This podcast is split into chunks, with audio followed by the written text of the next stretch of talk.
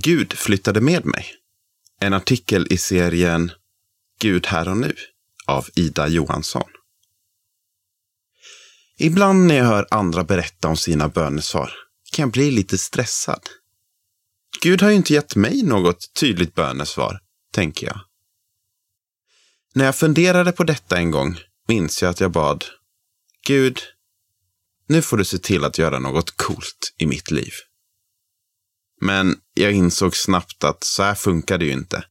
Och istället började jag läsa i min bönbok, som jag ibland skriver ner mina böner i. För ungefär två år sedan flyttade jag till en ny stad för att börja plugga. Jag hade inga vänner där och var väldigt nervös och spänd på vad som väntade. I min bönbok kunde jag flera gånger läsa hur jag bett om att få i alla fall en nära vän och att jag skulle klara min första tenta. Och vet ni? Det har jag.